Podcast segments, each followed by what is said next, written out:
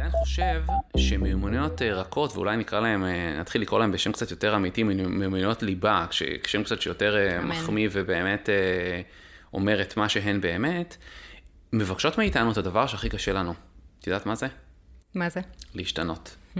וזה מבקש מאיתנו לשנות גם mindset וגם התנהגות.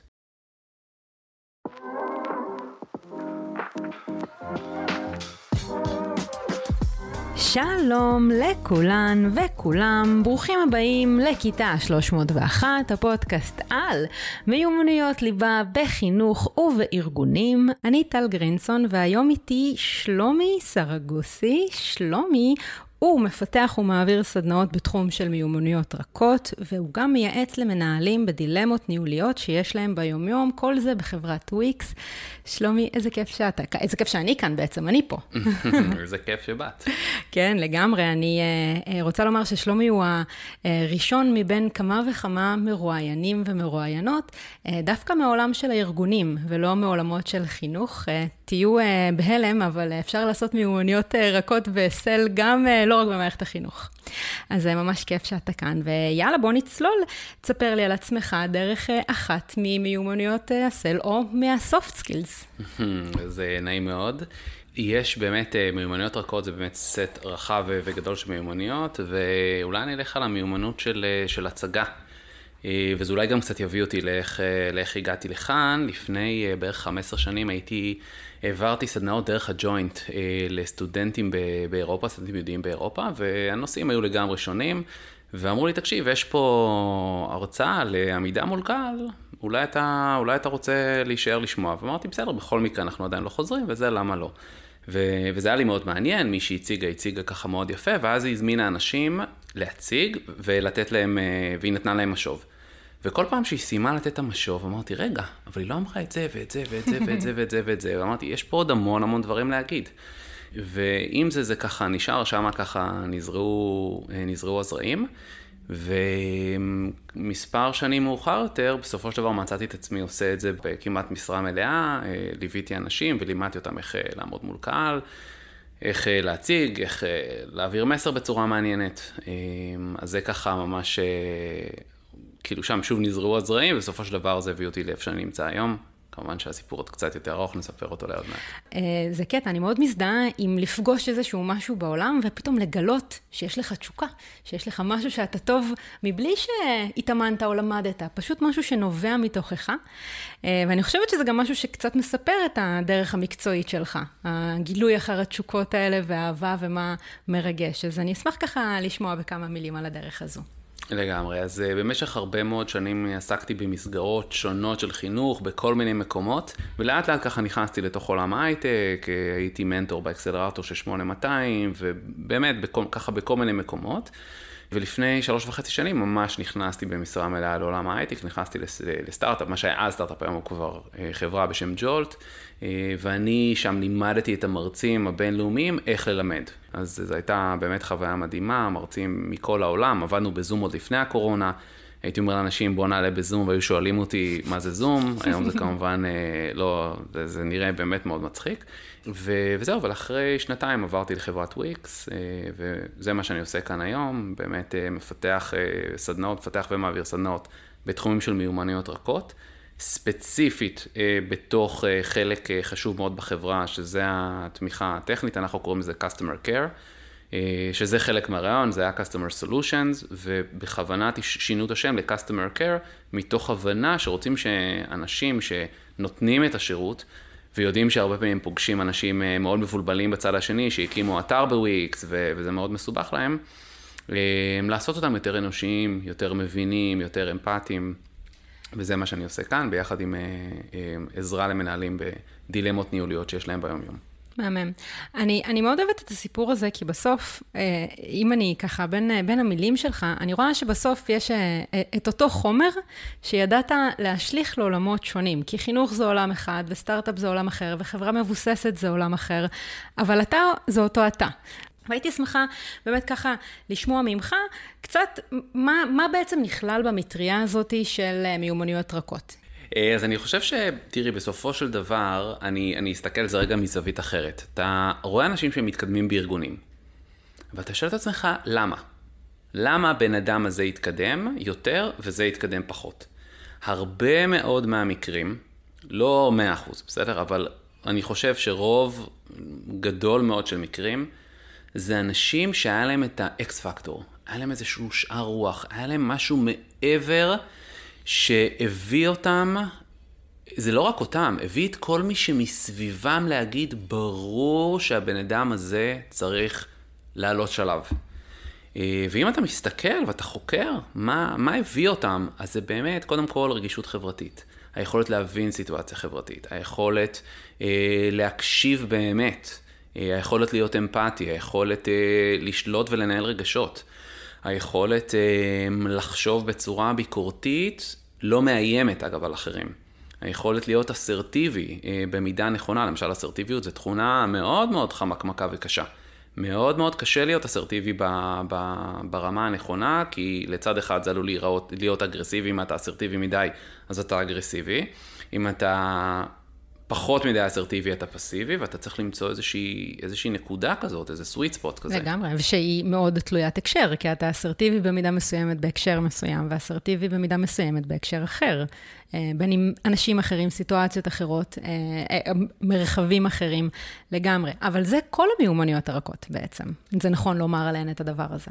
נכון, אני חושב שפשוט באסרטיביות יש לך פחות uh, מרווח, כשאתה uh, יושב ואתה מנסה לעשות חשיבה ביקורתית עם עצמך, או חשיבה יצירתית על איזשהו מוצר, או וואטאבר, מה שאתה, שאתה יוצר, יש לך, יש לך מקום לטעות. טוב, זה לא הצליח, לנסה ככה, זה לא הצליח לנסה ככה באסרטיביות. הרבה פעמים זה אומר שאנשים שהיו איתך באינטראקציה, הם פתאום נפגעים, והם פתאום אולי אה, פחות משתפים איתך פעולה, ואתה צריך לעבוד מאוד קשה אחר כך כדי לתקן אינטראקציה שהיא, שהיא לא טובה.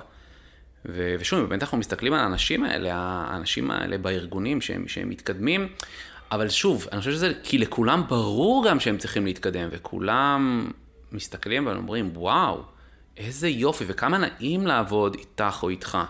אה, ו...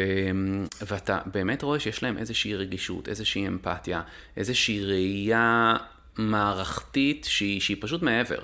הם מסתכלים על, אה, הם מסתכלים על הפקק מההליקופטר.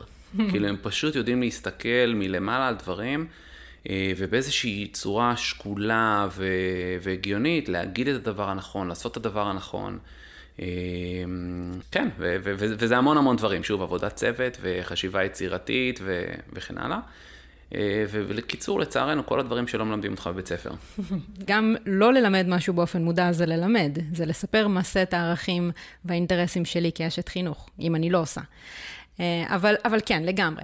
אז אני מבינה שבעצם כשאני רואה משהו בפועל, אה, מיומנויות רכות בפועל בתוך ארגון, אז אני אראה את זה או כי אני מאוד רואה שזה נוכח, או שאני מאוד רואה שזה לא נוכח בעצם. נכון? כאילו זה הדרך, זה הקטע עם מיומנויות רכות? אה, תראי, זו חברה, תראי, בדרך כלל זה ברמת המיקרו-קוסמוס של, של מנהלת או מנהל ספציפיים בצוות. אם הם מחליטים, אה, נגיד כמו לך, אה, שזה, לשנינו, שזה מאוד מאוד חשוב, אז הם שמים על זה דגש. כן. ומנהלים את ישיבות הצוות עם הרבה מאוד הקשבה והרבה מאוד לשים לב מה קורה בחדר וכן הלאה. אה, ברמה ארגונית, אני, אני שואל את עצמי כמה באמת ארגונים שמים על זה דגש. הרי, הרי מה קורה? אנשים מתחילים לעזוב פתאום, אנשים לא טוב להם. אנשים אה, אה, לא עובדים כמו שצריך, חסרי מוטיבציה. וכשאתה מסתכל ואתה שואל את עצמך למה זה קרה, זה קרה בגלל שלא היה שם את הדגש ואת ההבנה של מיומנויות רכות. הן כל כך חשובות, תראי, גם מיומנויות רכות חשובות, כי בסופו של דבר זה ההתפתחות האישית שלי. וכשאני מתפ... מרגיש שאני מתפתח, אני מחויב יותר לארגון. וואו, הארגון הזה תורם לי, הוא נותן לי, הוא, mm. הוא עוזר לי לצמוח, הרי, הרי מה הבעיה עם מיומנויות רכות? אתה לא יכול לשבת ולצפות ביוטיוב, או באיזשהו סרטון באיזושהי מערכת למידה אינטרנטית, וללמוד את זה, זה פשוט בלתי אפשרי. זה חייב לבוא תוך כדי תנועה, או שאתה ממש מקדיש לזה סדנה, ומתרגלים את זה, ונותנים אחד לשני משוב, או שיש איזשהו מנטור או מנטורית שפשוט מלווים אותך ועושים איתך חשיבה על דברים. ואומרים לך, רגע, בוא תסתכל, זה כך, פה עשית ככה, או פה שם עשית ככה. איך זה נראה ביומיום של הארגון שלך? אוקיי, אז שמעתי שני דברים. שמעתי אה, אה, באמת אם המנהל או המנהלת רואים את זה כמשהו חשוב, ואז מטמיעים את זה בתוך שגרת יום העבודה של העובדים שלהם, או בתוך סדנאות אה, מיועדות עבור הדבר. איך זה נראה אז בפועל? שני הדברים האלה או דברים נוספים? כן, אז אני אגיד לך מה, זה קודם כל מתחיל תמיד מצורך. אה, תמיד זה מתחיל מצורך של מנהלי צוותים. אגב, לא רק, זאת אומרת, גם אלה שבפועל יושבים ועונים למשתמשים של, של וויקס, לאנשים שבונים אתרים דרכנו, אה, הם באים ואומרים, תקשיבו, חסר לי קצת ניהול רגשות, כי לפעמים קשה לי. וחסר לי אולי קצת יותר אסרטיביות, וחסר לי... מאיפה להם הטרמינולוגיה? איך הם יודעים לומר, זה מה שחסר לי? הם לא תמיד יודעים לומר, mm-hmm. ולכן אני עושה איתם ככה הרבה מאוד שיחות עומק וחושב איתם, ואומר להם, רגע, אוקיי, בואו נדייק, בואו נראה איזה... בואו נמצא את השם. בדיוק, כן. בדיוק, על מה בדיוק אתם בעצם רוצים לעבוד כאן. Mm. זה איתם, או שזה עם המנהלים שלהם, או אנשים שעוקבים אחרי השיחות ומנתחים את השיחות שלהם, או את האינטראקציות הכתובות. ובאים ואומרים, אה, תקשיבו, זו, כדאי שנעבוד קצת על ניהול רגשות, כדאי שנעבוד על ביטחון עצמי, על אסרטיביות, אה, על, על הקשבה, על אמפתיה.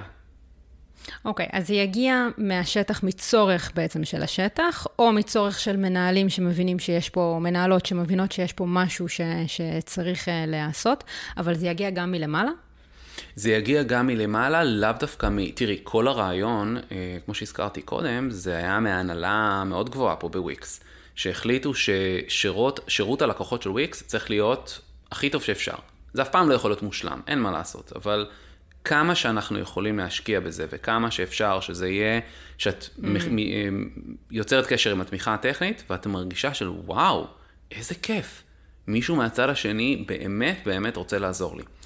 אז, אז, אז אני, רק, אני רק אשלים, זה התחיל מלמעלה באמת, אה, ועם הזמן, עכשיו מרגע שזו, שזה הכיוון, כל המנהלי צוותים וכל המעטפת שעוזרת למי שבפועל אה, נותן את השירות, אה, הם כל הזמן על זה, והם כל הזמן בודקים, וכל הזמן חושבים יחד מה צריך, מה יכול לעזור, מה ישפר אותם, ויעשה אותם, שוב, לאנשים יותר אנושיים, יותר קשובים, שיכולים לעזור בצורה יותר טובה ונעימה. אוקיי, okay, אז אנחנו נחזור לנקודה הזאת, כי באמת יש פה איזשהו עניין של אה, למה שחברה תשקיע בכלל בתפקיד כזה, בעובדים שלה בצורה הזו. אנחנו נחזור לנקודה הזאת. תכף הייתי רוצה שנחזור רגע לפרקטיקה המעשית אה, של הארגון שלך, של הטמעה של אה, מיומנויות רכות בתוך הארגון. אז יש לך באמת את ה... לדוג את, ה, את המקומות האלה כשעובדים או מנהלים, מנהלות מעלים את הצורך, ויש גם כשזה מגיע מלמעלה, אבל הייתי רוצה נגיד שנדבר שנייה על סדנה. איך נראית סדנה כזו? נגיד, זה עובד על פי מיומנות, זה עובד על פי צו... כאילו, איך זה עובד? אוקיי, okay, אז אנחנו תמיד ממקדים את זה במיומנות. Mm-hmm. לצורך mm-hmm. העניין, אנחנו, אני מוציא מייל שכמה מאות נותני תמיכה, אגב, זה תמיד גלובלי. אה, הסדנאות הן אה, תמיד לתל אביב, קייב, דבלין ומקומות שונים בארצות הברית, וזה אגב מדהים לראות החיבור אה, בין אנשים ממקומות שונים שבאמת מתכנסים סביב מיומנות אחת, וברור שיש הבדלים תרבותיים, אבל עדיין זה עובד בצורה מדהימה. זה סדנאות אונליין, כאילו. זה סדנאות mm-hmm. אונליין, ולכולם יש צורך אנושי מאוד מאוד ברור ועמוק. ו- וזה באמת מדהים לראות את זה, אני מוכרח להגיד שאני אפילו הופתעתי. כי לא יצא לי להעביר סדנאות שהן, אה, לפני שהגעתי לוויקס, שהן באמת אה, חוצות תרבויות. מטורף. אמ, אז תמיד זה מתמקד במיומנות אחת, וזה תמיד, תמיד, תמיד תרגול. אני מנסה לדבר כמה שפחות, לא תמיד מצליח לי, אני מודה, אבל באמת הרעיון לדבר כמה שפחות ולתת להם לתרגל, וזה תמיד תרגול שהוא קשור אה, לעבודה שלהם. זאת אומרת, אנחנו תמיד לוקחים דוגמאות לאינטראקציות ועושים הרבה מאוד אה, role play. ששכחתי רגע איך אמרו את זה בעברית. משחקי תפקידים. אה, משחקי, תודה רבה, משחקי תפקידים. אה, וזה באמת ככה המון המון תרגול, המון המון משוב הדדי, סימולציות, תודה רבה, בחדרים, ב-breakout rooms. אה, זה תמיד ככה מתפצלים, ואז חוזרים למליאה ושומעים מה קרה בחדרים, ומשתפים, הרבה פעמים כלים שיתופיים, כמו מירו, פאדלט ואחרים. כל הזמן יש שיתוף, כל הזמן יש ככה אינטראקציה. אה, ובאמת הרעיון זה לתת להם לתרגל את זה. זאת אומרת, כל סדנה היא בהכרח תרגול, והם יודעים כבר, אנשים כבר מכירים אותי, ויודעים שזה יהיה תרגול, והם יצטרכו לעבוד ויצטרכו להתאמץ, כי זה בדיוק משחייה, אי אפשר לשבת מחוץ לבריכה ולתרגל את התנועות, זה, זה לא עובד. נכון, ויותר מזה, בשונה ממיומנות אה, פיזית כמו שחייה, מיומנות אה, שהיא כזו, צריך להתאמן בסביבה שנעים, שיש לנו את המסגור הנכון של מה שקורה פה, שמותר להיכשל, שמותר לא לדעת. כאילו מיומנויות, soft skills, גם מיומנויות רגשיות חברתיות. בסוף, אתה צריך לדעת ליצור את הסטינג הנכון, כדי שמי שנמצא שם יקבל באמת את התפוקה המרבית מזה. אז גם לייצר, להסביר להם, אנחנו עושים את המיומנות, עכשיו אנחנו עושים משחקי סימולציה, עכשיו אנחנו משתפים, עכשיו אנחנו אוספים, אתם לא לבד, כשאתם נתקלים בדבר הזה. אני חושבת שיש ערך מאוד מאוד חשוב, אה, דווקא ביצירת הסביבה שמאפשרת למידה, ולאו דווקא התרגול הספו עצמו הספציפית, שאגב, אה, זה מאוד מאוד חשוב לתרגל ולתרגל ולתרגל, ופחות אה, לדבר ולדבר ולדבר. את צודקת. אה, תראה, אני אגיד לך אה, תכף למה את כל כך צודקת. כי מיומנויות רכות, בניגוד למיומנויות הקשות, אגב, רגע, רק נבדיל בין המיומנויות הקשות, זה עכשיו אני לומד איך להשתמש באקסל, ואני לומד להשתמש בכל מיני, זאת אומרת, איזושהי כן. מיומנויות, פעולה טכנית שאני יכול לעשות. כן. גם שם צריך שיהיה לי נעים לעשות את זה, אבל... ברור, ואני אגב לא מקל כן, ראש. גם נכון. ללמוד להשתמש באקסל יכול להיות מאוד קשה. נכון. או לעשות כל מיני דברים אחרים יכול להיות מאוד מאוד קשה. נכון. אני עדיין חושב שמיומנויות אה, רכות, ואולי נקרא להם, אה, נתחיל לקרוא להם בשם קצת יותר אמיתי, מיומנויות ליבה, כשם קצת שיותר אה, אמן. מחמיא ובאמת אומר את מה שהן באמת, מבקשות מאיתנו את הדבר שהכי קשה לנו. את יודעת מה זה? מה זה? להשתנות. Hmm. וזה מבקש מאיתנו לשנות גם mindset וגם התנהגות. ולכולנו, בטח למי שכבר uh, בשלב בשנות ה-20 לחייו, ובטח uh, קל וחומר מאוחר יותר, לשנות התנהגות זה הדבר שהכי קשה לנו. נכון. אנחנו בנויים על טייס אוטומטי, ואנחנו מאוד צמודים להרגלים, ומיומנויות רכות פתאום בא ואומר לי, uh, בוא תשים לב איך אתה מקשיב. זה יותר מזה, זה לבוא ולהגיד לך בוא תשים לב. אוקיי? זה לפני הלהשתנות, זה בוא תכיר בעובדה שאתה יכול, שאתה צריך, ש... שכדי ללמוד, כדי להתפתח, כדי, כדי להישאר רלוונטי בעולם, אתה צריך לגדול, וככה גדלים, גדלים מתוך ההשתנות הזאת, גדלים מתוך ההתבוננות המעמיקה. אגב, speaking of, uh, uh, לגלות מה אתה טוב בו במרחבים שונים. זה רק דרך התבוננות פנימה, וצניעות, שאתה ענווה לתוך התהליך הזה, שאתה לא יודע הכי טוב, ואתה צריך את המרחבים המאפשרים האלה. אבל מצד אחד זה, אתה יודע, זה האחריות שלכל אדם יש על עצמו, שאי אפשר לעשות שום דבר. לא אקסל ולא uh, uh, שום uh, עבודת צוות וכן הלאה, אבל אני חושבת שגם uh, לארגונים יש את האחריות. אחריות לעשות את זה. אה, לייצר את המרחבים שבהם מותר להיכשל, שמותר בכלל לגלות מי אתה ולהשתנות ולשיים לעצמך את הדברים שקורים. ופה בעצם זה התפקיד שלך כבא כוחו של הארגון בתוך אה, האחריות הזו. לגמרי. ואם אני ככה חושב אה, על מי שיאזין לפודקאסט הזה, אז, אז מה בעצם צריך לעשות? אז קודם כל, לפני הכל צריך להחליט שזה חשוב. נכון. וצריך להבין, אפרופו מודעות, זה, שוב, שום שינוי לא קורה בלי מודעות. זאת אומרת, מודעות, קודם כל תהיה מודע בכלל שאתה צריך להשתנות, זה 50% מהדרך. ארגון, קודם כל צריך להבין שזה חשוב, שזה ישפיע דרמטית על כל האווירה בארגון, על התחושה, על המחוברות, על המוטיבציה, על, על הרצון של אנשים להגיע, רצון של אנשים להגיע פיזית אפילו למשרד. כי כיף לי, וואו, יש פה אנשים שמקשיבים לי ושתומכים בי וש... אה, לי להיות יותר טוב ממה, ש... ממה שאני. אז זה אחד. שתיים, זה באמת להקדיש לזה זמן. כלומר, לתת ולעשות סדנאות ולקחת ולחשוב אה, ולבנות את זה ולעשות באמת אה, מחקר צרכים אמיתי, מה אנשים באמת צריכים, איך אנשים אוהבים ללמוד. ותקשיבי, את אמרת דבר מאוד מאוד חשוב מקודם על הקטע של יצירת האווירה המתאימה. אנחנו נוגעים בנפש בסדנאות האלה. וזה, וזה, וזה הרבה פעמים כשאני עושה את הסדנאות, עכשיו כבר שוב מכירים אותי אז זה יותר קל לי, אבל בהתחלה זה מאוד הפתיע אנשים. כאילו, רגע, מה, מה זה, מה... מה זה הטרמינולוגיה הזאת שאתה משתמש בה? כן, מה זר. קורה פה? כן, רגע, אני, אני בחברת הייטק, אני עובד פה בזה, מה, מה זאת אומרת? הגישה הפדגוגית ומעבר לזה שלי, זה ששינוי לא יכול להתרחש רק, אם ניקח את נותני השירות אצלנו, רק כשאני באינטראקציה. ברור. ואז כשאתה תצא מפה, אתה תפסיק, ל... אתה כבר לא תהיה מקשיב ולא תחשוב יצירתי ולא תהיה אסרטיבי וכן הלאה. אי אפשר. ברור. זה צריך להיות משהו הוליסטי, איזשהו שינוי מאוד מאוד גדול שאתה עושה, ו... וצריך ככה באמת להקדיש לזה את הזמן, וכל הזמן להמשיך לעשות, אנחנו הרבה פעמים עושים פלו-אפ לסדנאות. אנחנו עושים חודש, חודשיים, לא משנה, אחרי הסדנה, אוקיי, חבר'ה, מה לקחתם מאז? מה השתנה? הרבה פעמים מנהלים שולחים לי אינטראקציה, אומרים לי, שלומי, תראה, אתה לא תאמין, אינטראקציה, הנה. אה, מישהו שהיה קצת חסר ביטחון, בוא תראה את האינטראקציה, בוא תשמע איך הוא דיבר, אה, שוב, הכל כמובן, כל השיחות מוקלטות וכן הלאה. זה, זה פשוט מדהים. לגמרי. אני, קודם כל, יש פה אה, אה, עקרונות מאוד חשובים מהטמעה של סל, זה מתוך אה, חינוך. אז יש לנו באמת את היצירת מרחב אה, ואמון, ש, שהעובד בכלל מרגיש בנוח לבוא ולעשות את זה.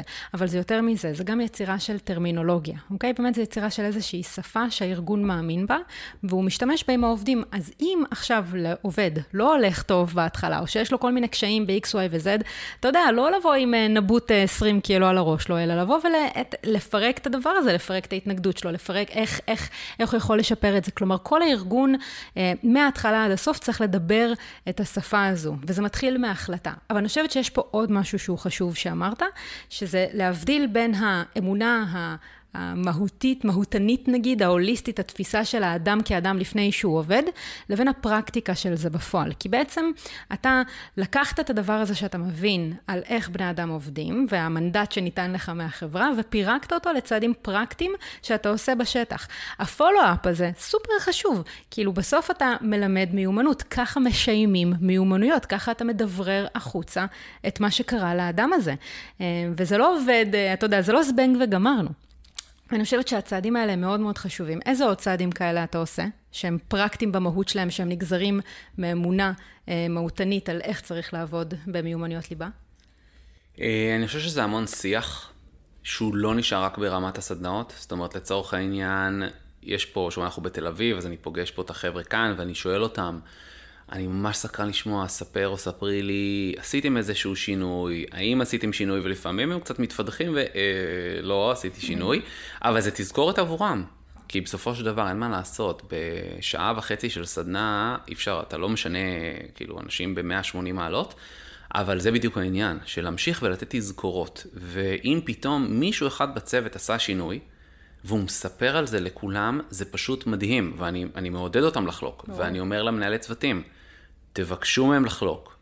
תבדקו גם אתם, אל תחכו רק לי שאני אעשה follow-up, תעשו גם אתם follow-up, תבדקו. סופר נקודה חשובה, כי עוד עיקרון מאוד חשוב להטמעה של, אה, של מיומנויות SEL, אה, אני מניחה שזה בהלימה גם למיומנויות רכות, אה, זה modeling. יש משהו, כשאתה, כשקהל היעד שלך בסוף הוא העובדים, הדרך לשם היא דרך המנהלים שלהם, כנראה. אה, ואמרנו ככה בהתחלה, כשהצגתי אותך, אחד מהדברים שאתה עוסק בהם ביומיום שלך, זה ללוות מנהלים אה, בכל מיני דילמות אה, ערכיות וניהוליות. וה modeling שהמנהלים צריכים לעשות עבור העובדים שלהם, זה חלק מאוד חשוב. אז איך הדבר הזה נראה, נגיד? איזה חלק בדיוק של ה modeling? modeling שהם עושים עבור העובדים שלהם, איך אתה מלווה את המנהלים כדי שיהיו הדמויות האלה עבור העובדים שלהם. אז אני גם מעביר להם סדנאות וגם ככה... סדנאות מיועד, מיועדות להם. כן, כאילו. כן, פה ממש כדי לעזור להם לעבוד טוב יותר אה, עם, ה, עם הצוותים שלהם. אה, ובאמת, אני אומר להם, תקשיבו, המיומנויות האלה, ש... כי שוב, הרוב, הרוב המכריע של הסדנאות זה באמת אה, לאותן נותני שירות, לאותם נותני שירות. אני אומר להם, זה לא... זה לא יכול להישאר רק ברמת הסדנה, אתם גם צריכים לעשות modeling כל הזמן, וגם כל הזמן לעקוב אחרי זה. זאת אומרת, אתם הרי, הם קוראים את האינטראקציות, הם מקשיבים לשיחות, mm. הם איתם שם עם האנשים, ו... ואני, כן, ה modeling ש... שהם עושים הוא, הוא סופר חשוב. אני חושב שאגב, לא רק, זאת אומרת, גם בדרך הניהול שלהם. עם דרך אה, ניהול קשובה, אמ, אמפתית, אותנטית. אה, אני חושב שחלק מאוד חשוב, שוב, אני, הגישה הפדגוגית שלי זה באמת אותנטיות. אנשים בסדנאות שומעים עליי, ושומעים על המשפחה שלי, ושומעים על uh, דילמות שהיו לי, ועל איך אני נתקעתי, ואיך אני לא הצלחתי, uh, ועל המסע שאני עצמי עשיתי, וש, ושאני עדיין עושה. זאת אומרת, זה מסע מאוד מאוד ארוך, שהוא לא, שהוא לא נגמר. אמ, ובאמת ה modeling, אני חושב שהוא באמת, הוא באמת קריטי. לגמרי, ה modeling הוא גם הופך את זה ל scalable בסוף, כי אתה יודע, אתה יכול לעשות 20 סדנאות לעובדים, אבל תעשה סדנה איכותית אחת למנהלים שלהם שיעשו את זה הלאה, וחסכת, אתה יודע, הרבה עבודה, וזה באמת ב scale יותר גדול. אמ, ואני חושבת שהאותנטיות היא מאוד מאוד חשובה, כי בסוף אתה, אתה, אתה לא עוזב ארגון, אתה עוזב מנהל.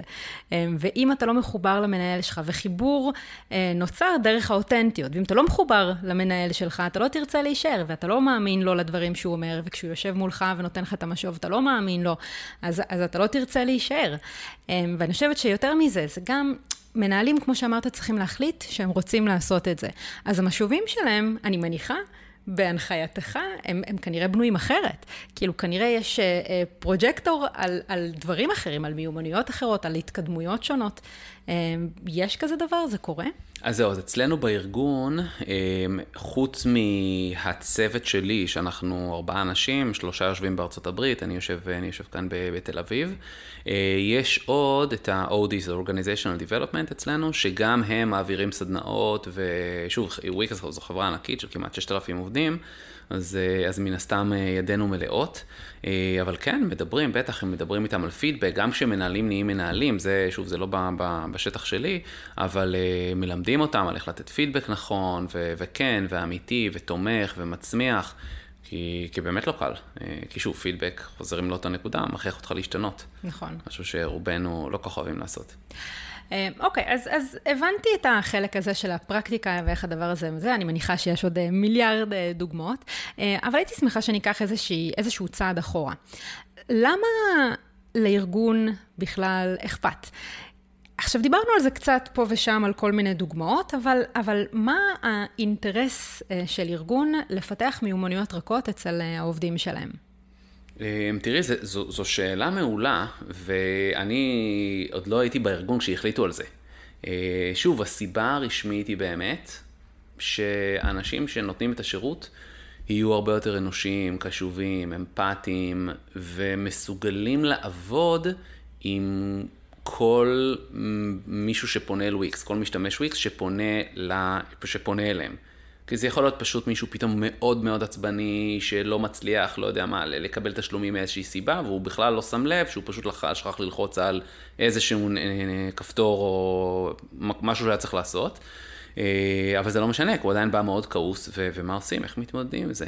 או בן אדם שהוא מיואש, שהוא מרגיש, יואו, תעזרו לי, אני לא יודע, אני שם מנסה, אני לא מצליח, וכן הלאה. ובאמת לדעת להתמודד עם, עם, כל, עם כל סוג של בן אדם. אני רוצה להאמין שגם הייתה כוונת מכוון כן לשפר את, זאת אומרת, לא, לא לשפר, אלא ליצור אווירה שמאוד נעים לעבוד פה. אני חושב שבאמת יש כאן בוויקס משהו שהוא מאוד נעים. אני, ולא רק אני, אני חושב שהאנשים שאני פוגש מגיעים הנה בשמחה, כי באמת יש איזשהו דגש על הצד האנושי. ובוא נראה אותך כבן אדם. אני חושב שבסופו של דבר, כשאנחנו רואים אנשים כבני אדם, אפשר להסתכל על זה במובן תועלתני, אנחנו עושים את זה כדי שבסופו של דבר הם יחזירו לארגון והכל, ואפשר להגיד לא, פשוט אכפת לנו. זה גם ו... לא סותר. נכון, נכון, ואנחנו, ואני אומר את זה כמעט בכל פתיחה של סדנה, אני אומר לאנשים, ושוב, עכשיו הם כבר מכירים, אבל בהתחלה הם קצת היו בין, אני אומר להם, אני, אכפת לי מה-well-being שלכם. והם מסתכלים, וואי, ו- ו- וזה מאוד מאוד חשוב, כי, כי שם הכל מתחיל. לגמרי. יהיה לך טוב, בזמן, עשיתי המון, עבדתי עם המון, הייתי עושה המון השתלמויות מורים. והייתי בין השאר גם מייעץ למנהלי בתי ספר, ותמיד הייתי אומר, אתם יודעים מה, מי, מי הכי חשוב בסיפור? בין אה, מורים, מנהלים, תלמידים והורים. על, על, למי הכי צריך לעזור? מורים, ברור. זהו, לך זה ברור. אבל כולם שאומרים, תלמידים, אתה צריך להשקיע בתלמידים, לא, לא, לא, לא. זה בדיוק מה שאת אומרת. תשקיע במורה, תגרום לו שיהיה לו פשוט טוב, ברור שלתלמיד יהיה טוב. זה יקרה בלי מאמץ בכלל. זה הסקייל, ברור. נכון, אבל הרבה מאוד מקומות מאוד מסתכלים על התלמיד ושוכחים. אז אם אני עושה את ההקבלה אלינו, אה, אתה יכול להסתכל רק על ה user ועל, ועליו וזהו, אבל, אבל זה לא נכון. כי אם זה שנותן את השירות לא טוב לו, והוא לא בא עם מוטיבציה, והוא לא מרגיש שהוא עושה משהו משמעותי, לא יעזור שום דבר, הוא לא יוכל לתת שירות כמו שצריך. זה מעניין, כי באמת אה, יש פה כל מיני סוגיות אה, שלא דיברנו עליהן לפני בפרקטיקה, שזה באמת עניין של, אה, של well-being, והעובדה שמשהו במיומנויות רכות, זה, זה כאילו, זה עובד ביחד. אתה מייצר סביבה נעימה כדי להטמיע מיומנויות רכות, וכשאתה מטמיע מיומנויות רכות, הסביבה שלך נהיית נעימה יותר.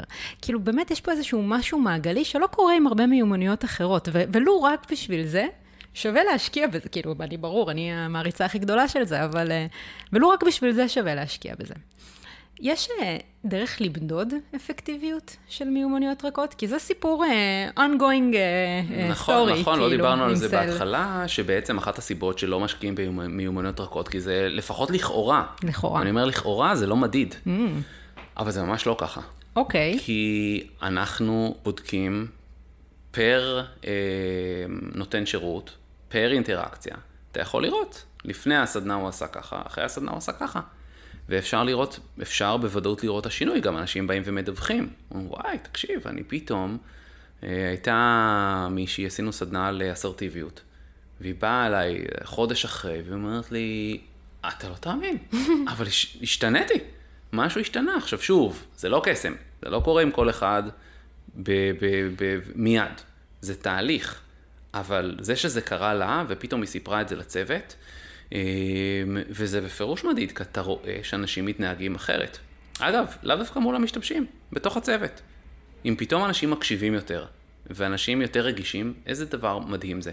אחת הסדנות שאני מעביר כאן, שהיא לא רק בתוך ה... היא לכל העובדים בוויקס, זה על אמ, רב תרבותיות או אינטליגנציה תרבותית. וכשנכנסתי לארגון אמרתי, וואו, זה משהו מאוד, מאוד חשוב, אה, מאוד חשוב לפתח, אז אמרו לי, קדימה, לך על זה, פיתחתי סדנה של אה, אה, רגישות תרבותית ואיך להתנהל במקום עבודה שהוא, שהוא רב תרבותי. ו, וזה מדהים לראות את השינוי. זאת אומרת, אנשים פתאום, אנחנו עושים אגב, מנתחים סנאריוז ומדברים וחושבים ובודקים, ותמיד, אגב, שאלת איך, איך דברים מתנהלים, למשל בסדנאות כאלה, אני מתעקש שהן יהיו מגוונות. זאת אומרת, אני לעולם לא אעביר סדנה רק לאנשים מתל אביב, או רק לאנשים מדבלין, או רק לאנשים מארצות הברית. זה תמיד יהיה מגוון, כי זה העניין כאן, זה לב העניין. ואז הם פתאום בחדרים, מדברים על התרבויות השונות אה, וכן הלאה. ושאלת על הקטע של אם זה, אם זה מדיד, אז כן, אז אנשים אחר, באים אחר כך ואומרים, וואו, כן, אני פתאום מסתכל, אני יושב בישיבת צוות. אני בתל אביב, ויושב מישהו מדבלין, ומישהו מקייב, ומישהו מסן פרנסיסקו, ומתנהלים אחרת. ופתאום אני הרבה יותר אמפתי אליך, ופתאום אני שם לב שהישראלי נותן את המשוב בצורה מאוד ישירה, ולפעמים קצת אאוץ' לאמריקאי, אז האמריקאי פתאום קצת הוא, הוא פחות מתרגש מזה. הוא לא נעלב, כי הוא, אה רגע, שנייה, הייתי בסדנת אה, רב תרבותיות, ישראלים, ש... בדיוק, כן. ישראלים מאוד ישירים בפידבק, אז אני לא צריך להיעלב, זה כי, כי ככה הם. אוקיי, okay, אז יש את הדיווח uh, אחורה, בעצם שהעובדים, נותני השירות עצמם, uh, מספרים על הדבר שקרה להם אחרי, אחרי הסדנה. יש עוד דרך למדוד אפקטיביות של זה? שאלה טובה, אני לא יודע. אני חושב שזה, שזה הדבר העיקרי, זאת אומרת, זה לשמוע מה הם אומרים ולקרוא את האינטראקציות או להקשיב. שוב, כל האינטראקציות, הם רואים אותם, ומן הסתם כל כן. השיחות מוקלטות. אז ניתוח תוכן. ניתוח, ו... אז כן. יש, יש אגב צוות שזה מה שהוא עושה, mm. שהוא מנתח אך ורק uh, תוכן. מעניין. כדי לשפר את השירות כמובן. כן, אבל כאילו, שוב, בסוף זה זרקור על משהו מסוים שאתה רוצה שהם יבדקו. נכון. Okay? אוקיי? שזה לא מובן מאליו. כי באמת, באמת אחת מהבעיות, גם עם סל, גם במערכת החינוך, איך אתה מודד את ההצלחה של זה, למה להשקיע בזה. הם, ו- וזה מחזיר, זה מעניין, כי זה באמת מחזיר לדיון של מה אתה, אתה, אתה בוחן את מה שאתה מודד ו- וכן הלאה, כאילו בעצם איך אתה מעריך בכלל. אז לקראת סיום, ככה.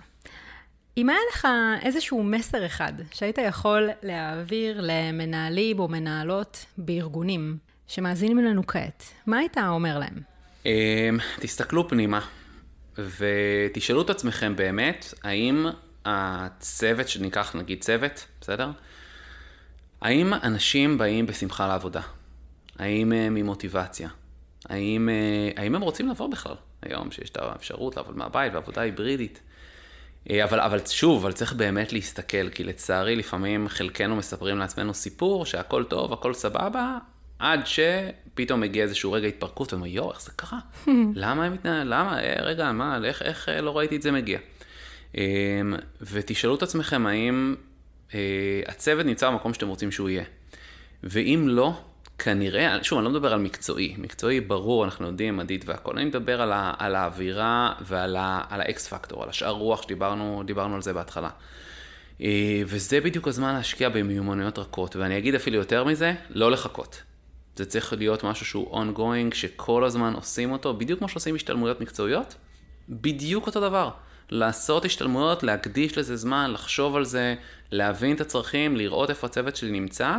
אה, ואנשים, העובדים יברכו אתכם, כי הם כל כך נהנים מזה, שפתאום הם, הם כותבים לנו, יואו, אני לא מאמין, בעיקר עובדים שנכנסים, ואנחנו עושים להם סדנה על הקשבה אקטיבית, הם אומרים, איזה כיף שנכנסתי לארגון, שזאת אחת הסדנאות הראשונות שאני עובר.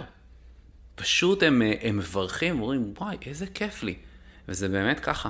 אז פשוט להשקיע בזה ביומיום, בדיוק כמו כל דבר אחר שאתם משקיעים בו. אמן. מהפה שלך, כמו שאומרים. אה, שלומי, זה היה סופר מעניין, תודה רבה לך. תודה, גם לי. ותודה רבה לכן ולכם, מוזמנים ומוזמנות לשתף, לשלוח לחברים שאתם חושבים שיקבלו מזה ערך, ונתראה בפרקים הבאים. יאללה ביי!